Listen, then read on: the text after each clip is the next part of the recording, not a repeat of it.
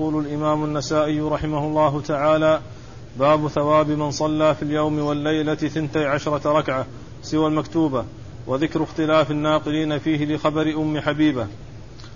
لخبر أم حبيبة في ذلك والاختلاف على عطاء. قال رحمه الله تعالى أخبرنا الحسن بن منصور بن جعفر النيسابوري قال حدثنا إسحاق بن سليمان قال حدثنا مغيرة بن زياد عن عطاء عن عائشة رضي الله تعالى عنها قالت قال رسول الله صلى الله عليه وسلم من ثابر على اثنتي عشرة ركعة في اليوم والليلة دخل الجنة أربعا قبل الظهر وركعتين بعدها وركعتين بعد المغرب وركعتين بعد العشاء وركعتين قبل الفجر. بسم الله الرحمن الرحيم. الحمد لله رب العالمين وصلى الله وسلم وبارك على عبده ورسوله نبينا محمد وعلى آله وأصحابه أجمعين. أما بعد يقول النسائي رحمه الله باب ثواب من ثابر على صلاة اثنتي عشر ركعة سوى المكتوبة وذكر الاختلاف في رواية حديث أم حبيبة رضي الله تعالى عنها وكذلك الاختلاف والاختلاف على, على عطاء في ذلك الحديث. المقصود من الترجمة هو بيان أن المداومة على ثنتي عشرة ركعة من الرواتب المتعلقة بالصلوات أن ذلك سبب في دخول الجنة وأنه من الأعمال التي يثيب الله عز وجل عليها بالجنة.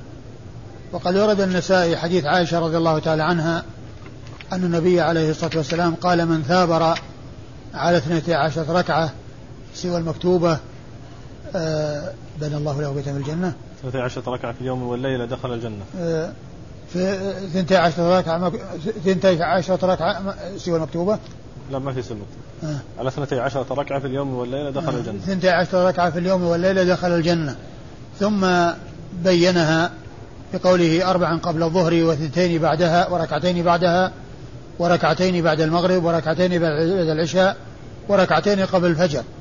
فهذه اثنتا عشرة ركعة من النوافل الراتبة التي آه، يداوم عليها ويحرص على المداومة عليها لأن فيها هذا الثواب العظيم وهو دخول الجنة لمن فعل ذلك. وهي متعلقة بالصلوات وتابع تابعة للصلوات منها ما هو قبل الصلاة ومنها ما هو بعدها. فقبل الصلوات ست أربعا قبل الظهر وثنتين قبل المغ... قبل الفجر وست بعد الصلوات ثنتين بعد الظهر وثنتين بعد المغرب وثنتين بعد العشاء. آه آه هذا الحديث يدل على ثواب هذا العمل وعلى عظم ثواب هذا العمل عند الله عز وجل. وينبغي للإنسان أن يداوم عليها وأن يحافظ عليها. وهذا هو معنى ثابر يعني أنه يحافظ عليها ويداوم عليها ويكون ذلك في الحضر. أما بالنسبة للسفر فإن هدي رسول الله صلى الله عليه وسلم أنه ما كان يداوم منها إلا على ركعتين وهما الركعتان قبل الفجر.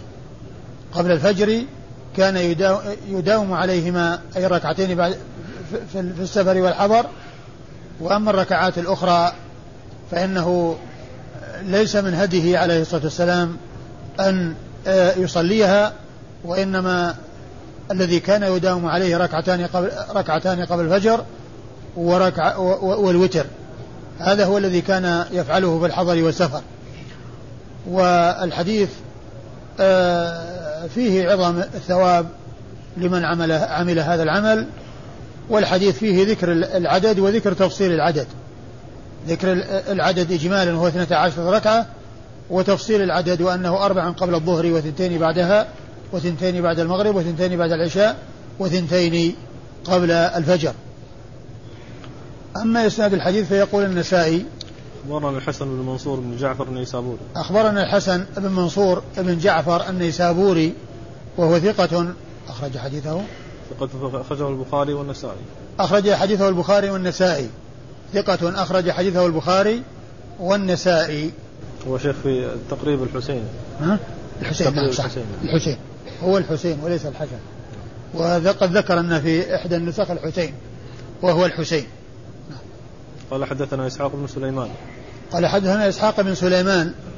إسحاق بن سليمان وهو ثقة أخرج حديثه أصحاب الكتب الستة. قال حدثنا مغيرة بن زياد. قال حدثنا مغيرة بن زياد. وهو صدوق أخرج حديث أصحاب السنن. نعم. وهو صدوق أخرج حديثه أصحاب السنن الأربعة. وصدوق له أوهام. ها؟ صدوق له صدوق أوهام. له أوهام. أخرج حديثه أصحاب السنن الأربعة. عن عطاء. عن عطاء بن أبي رباح المكي وهو ثقة فقيه أخرج حديثه أصحاب الكتب الستة. عن عائشة رضي الله عن عائشة أم المؤمنين رضي الله تعالى عنها وأرضاها الصديقة بنت الصديق وهي ممن حفظ الله بها سنة رسول الله صلى الله عليه وسلم وهي واحدة من سبعة أشخاص عرفوا بكثرة الحديث عن رسول الله صلى الله عليه وسلم.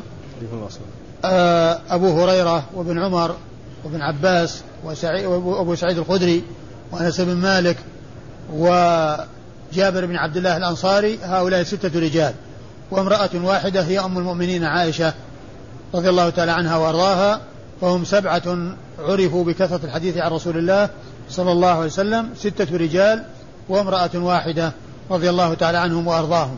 قال رحمه الله تعالى أخبرنا أحمد بن يحيى قال حدثنا محمد بن بشر قال حدثنا أبو يحيى إسحاق بن سليمان الرازي عن المغيرة بن زياد عن عطاء بن أبي رباح عن عائشة رضي الله تعالى عنها عن النبي صلى الله عليه وسلم قال من ثابر على اثنتي عشرة ركعة بنى الله عز وجل له بيتا في الجنة أربعا قبل الظهر وركعتين بعد الظهر وركعتين بعد المغرب وركعتين بعد العشاء وركعتين قبل الفجر.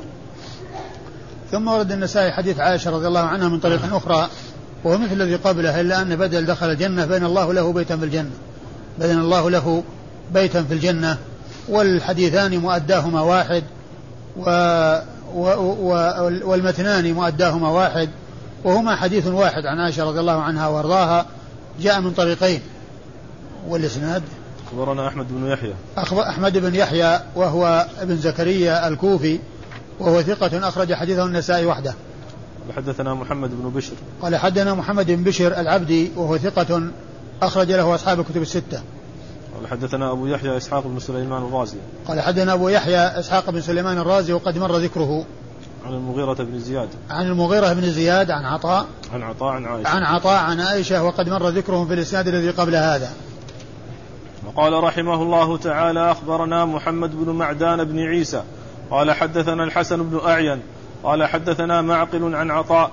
قال أخبرت أن أم حبيبة بنت أبي سفيان قالت سمعت رسول الله صلى الله عليه وسلم يقول من ركع ثنتي عشرة ركعة في يومه وليلته سوى المكتوبة بنى الله له بها بيتا في الجنة. من؟ من؟ عن أم حبيبة بنت أبي سفيان. من؟ من حديث. من ركع ثنتي عشرة ركعة في يومه وليلته سوى المكتوبة بنى الله له بها بيتا في الجنة. آه ثم ورد النسائي حديث أم حبيبة رضي الله تعالى عنها وهو مثل حديث عائشة إلا ان ما فيه التفصيل. من آه صلى من ركع. من, ركع ثنتي عشرة ركعة في اليوم والليلة سوى المكتوبة بنى الله له بيتا في الجنة.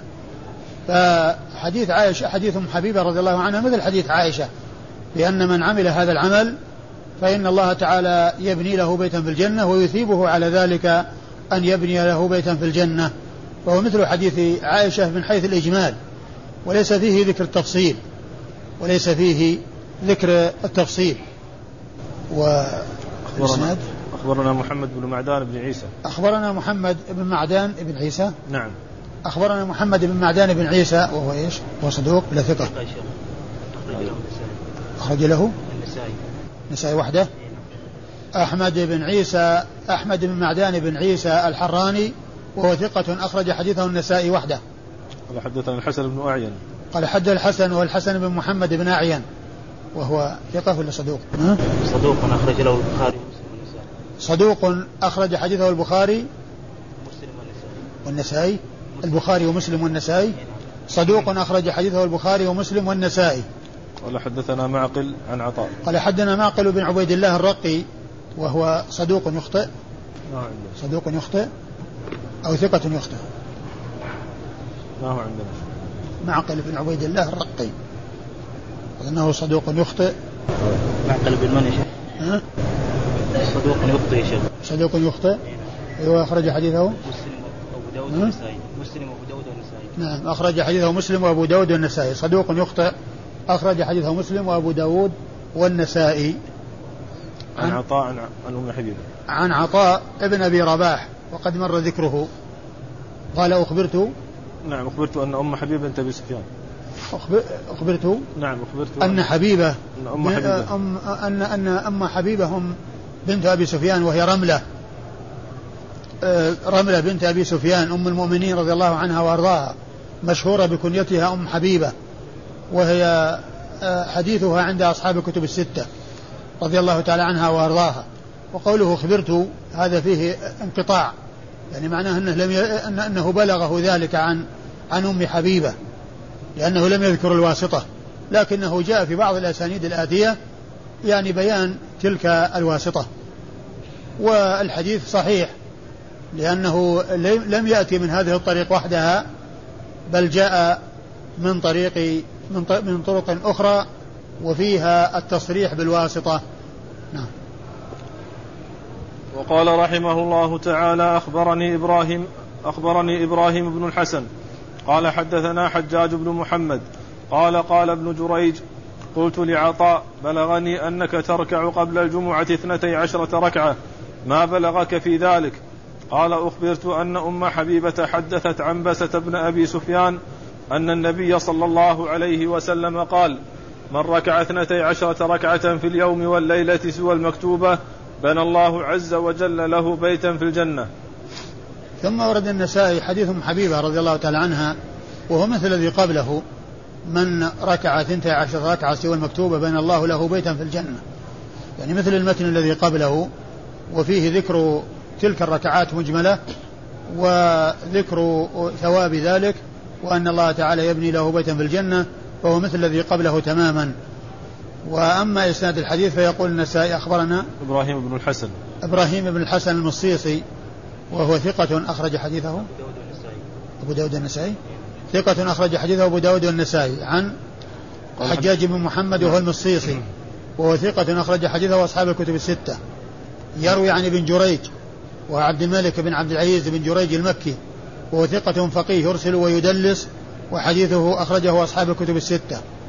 يروي عن عطاء. عن عطاء ابن أبي رباح وقد مر ذكره. قال قال إيش؟ أن أم حبيبة حدثت عن بسه بن أبي سفيان. لا قال؟ قلت. قال آه قول قلت لعطاء. قلت لعطاء بلغك بلغني أنك تركع قبل الجمعة 12 ركعة.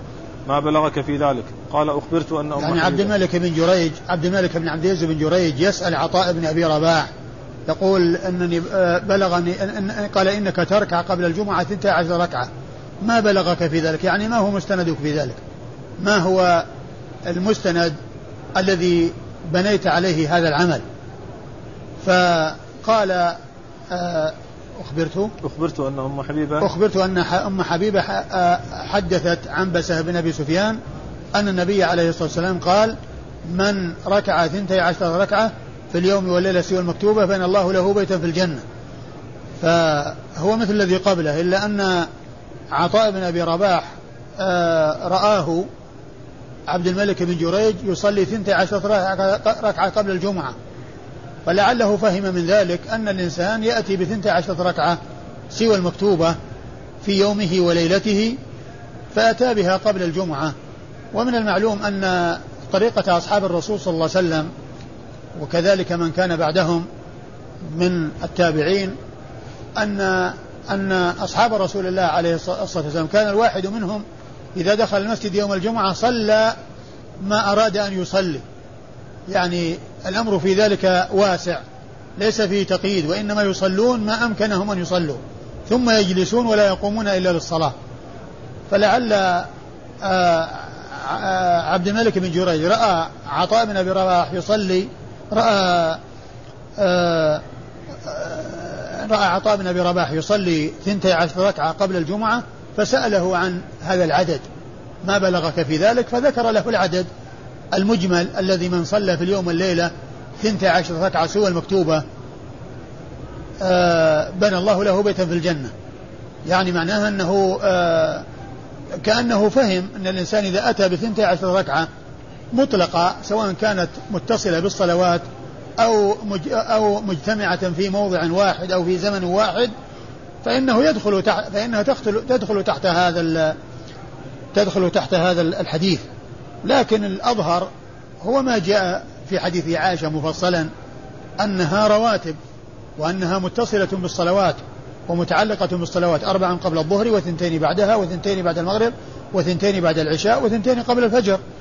والذي يظهر من من إجابة عطاء بن أبي رباح أنه فهم أنها ثنتا عشر ركعة مطلقة ولهذا كان يصلي ثنتا عشر رآه عبد الملك بن جريج يصلي ثنتي عشر ركعة قبل الجمعة.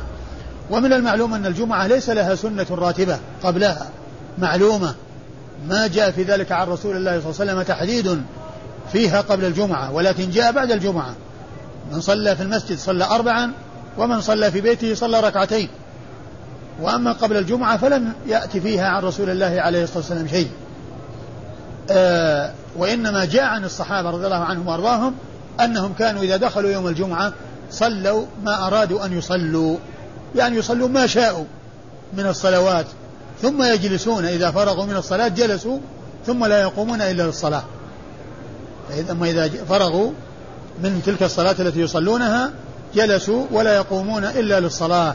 فلعل عطاء بن أبي رباح فهم من هذا الحديث أن الاتيان بهذا العدد في أي وقت من الأوقات سواء كانت مجتمعة أو متفرقة في اليوم والليلة فإن آه، من يفعل ذلك يبني الله له بيتا في الجنة ولكن الأظهر أن المراد بهذه الثنتي عشر ركعة هي التي جاءت في حديث عائشة رضي الله عنها وأرضاها ومفصلة بالسنن الرواتب التي هي قبل الصلوات وبعدها أن أم حبيبة حدثت عن بس نعم.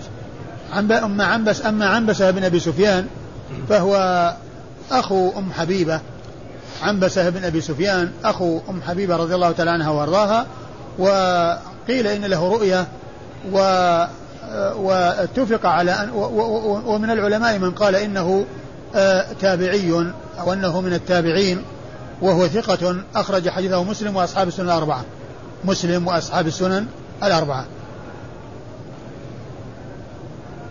وقال رحمه الله تعالى أخبرني أيوب بن محمد قال أخبرنا معمر بن سليمان. قال حدثنا زيد بن معمر ولا معمر؟ ما أدري هي مضبوطة. هنا معمر لكن في التقريب قال بالتشديد فقط ولم يذكر هل هو معمر ولا معمر. قال حدثنا زيد بن حبان عن ابن جريج عن عطاء عن عنبسة بن أبي سفيان عن أم حبيبة رضي الله تعالى عنها قالت سمعت رسول الله صلى الله عليه وسلم يقول من صلى في يوم ثنتي عشرة ركعة بنى الله عز وجل له بيتا في الجنة. قال أبو عبد الرحمن عطاء لم يسمعه من عنبسة. ثم أورد النسائي حديث أم حبيبة رضي, أم حبيبة رضي الله عنها من طريقة أخرى وهو مثل الذي قبله من صلى في يوم ثنتي عشر ركعة بنى الله له بيتا في الجنة. والإسناد؟ أخبرني أيوب بن محمد. أخبرنا أيوب بن محمد وهو إيش؟ وزان أيوب محمد الوزان. ثقة أخرج له؟ ثقة أخرج له أبو داود والنسائي وابن ماجه. قال عن؟ معمر بن سليمان. عن؟ معمر بن سليمان. عن معمر بن سليمان وهو ها؟ ثقة؟ ثقة ولا صدوق؟ ثقة فاضل. أخرج له البخاري. أخرج أخرج له الترمذي والنسائي وابن ماجه. ثقة فاضل. أخرج له الترمذي والنسائي وابن ماجه. حدثنا أيوة. زيد بن حبان. حدثنا زيد بن حبان. وهو صدوق كثير كثير الخطأ. يخطئ كثيرا. صدوق يخطئ كثيرا. أخرج حديثه النسائي. أخرج حديثه النسائي وابن ماجه. نعم. عن ابن جريج. عن ابن جريج وقد مر ذكره. عن عطاء عن عنبسة. عن عطاء عن عنبسة. عن أم حبيبة. عن أم حبيبة وقد مر ذكرهم. ثم قال النسائي إن عطاء لم يسمعه من عنبسة. لم يسمعه من عنبسة لأنه إيش في الإسناد يقول؟ إيش قال في الإسناد؟ عن عطاء. في اللسان عن عطاء عن عنبس بن أبي سفيان عن أم حبيبة. نعم عن عنبسة عن عن عنبسة ابن أبي سفيان عن أم حبيبة لم يسمعه قال إنه لم يسمعه يعني لم يسمع هذا الحديث لأنه قال فيما مضى أخبرت أخبرت عن أم حبيبة وسيأتي أن هناك بينه وبينه واسطة. سيأتي أن هناك بينه وبينه واسطة. ومعنى هذا أنه لم يسمعه أي لم يسمع هذا الحديث من عنبسة ابن أبي سفيان. هنا قال رحمه الله تعالى أخبرنا محمد بن رافع قال حدثنا زيد بن حباب قال حدثني محمد بن سعيد الطائفي قال حدثنا عطاء بن أبي رباح عن يعلى بن أمية قال قدمت الطائف فدخلت على عنبسة بن أبي سفيان وهو بالموت فرأيت منه جزعا فقلت إنك على خير فقال أخبرتني أختي أم حبيبة رضي الله تعالى عنها أن رسول الله صلى الله عليه وسلم قال من صلى ثنتي عشرة ركعة بالنهار أو بالليل بنى الله عز وجل له بيتا في الجنة. خالفهم أبو يونس القشيري. في النهار أو بالليل؟ نعم ثنتي عشرة ركعة بالنهار أو بالليل. أي نعم. ثم أورد النسائي حديث أم حبيبة رضي الله تعالى عنها وأرضاها وهو مثل الذي قبله من صلى ثنتي عشرة في النهار أو في الليل. يعني وهذا يعني معناه أنه سواء أتى بها بالليل أو بالنهار. والرواية التي قبله قال في اليوم. يعني في اليوم. وهنا قال في في, في الليل أو في أو في النهار.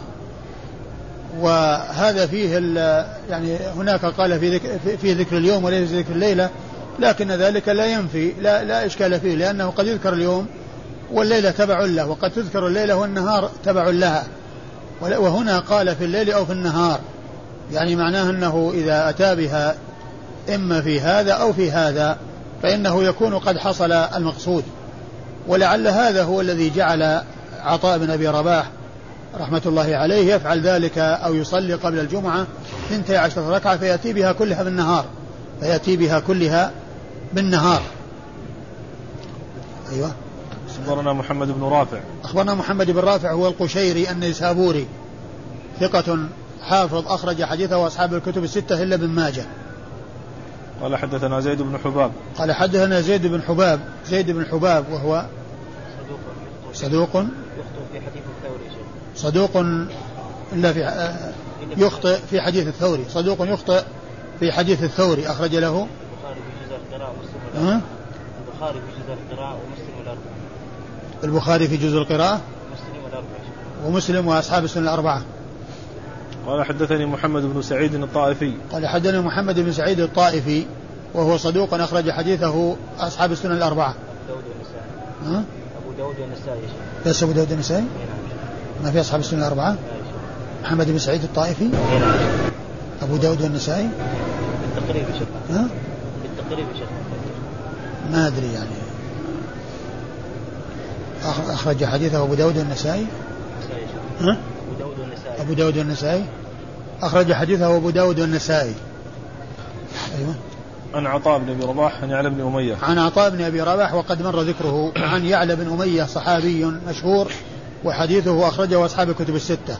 يروي عن عنبسة ابن أبي سفيان وقد مر ذكره عن أم حبيبة وقد مر ذكرها. وهذا فيه بيان الواسطة التي بين عطاء وبين عنبسة ابن أبي سفيان أو ذكر الشخصين اللذين بين عطاء وبين أم حبيبة لأنه قال أخبرت أن أم حبيبة. فإذا بينه وبينها واسطتان. هما آه، يعلى بن أمية وعنبسة ابن أبي سفيان وفي بعض الطرق أنه قال عن عطاء عن عنبسة وقال النسائي لم يسمعه وذلك أن فيه واسطة بينه وبينه وهو يعلى بن أمية. والحديث من رواية صحابي عن تابعي. لأن يعلى بن أمية صحابي وعنبسة بن أبي سفيان هو من التابعين. هو من التابعين وهو ثقة. فهو فالحديث من رواية صحابي عن تابعي وهو قليل. لأن رواية الصحابة عن التابعين هي قليلة جدا. لأن غالب رواية الصحابة عن الصحابة. رواية الصحابة إنما تكون عن الصحابة. ور- وروى يعلى بن أمية عن آه عنبسة بمناسبة وهو أنه زاره وهو مريض. فرأى جزعا فقال إنك على خير فقال آه، حدثتني أختي أم حبيبة أن النبي صلى الله عليه وسلم قال من آه، صلى في يوم في, اليوم أو الليلة ثنتي عشرة ركعة بنى الله له بيتا في الجنة. يعني أن تحديثه إياه بهذا الحديث بمناسبة زيارته إياه في مرضه وقوله إنه إنك على خير فأخبره بما سمعه من أخته أم حبيبة. رضي الله تعالى عنها وارضاها وهذا من القليل من الروايات القليلة التي هي روايات الصحابة عن التابعين. وإلا فإن الأصل هو رواية التابعين عن الصحابة رواية الأصاغر عن الأكابر. وأما رواية الأكابر عن الأصاغر فهي قليلة مثل رواية الصحابة عن التابعين. آه والله تعالى أعلم وصلى الله وسلم وبارك على عبده ورسوله نبينا محمد وعلى آله وأصحابه أجمعين.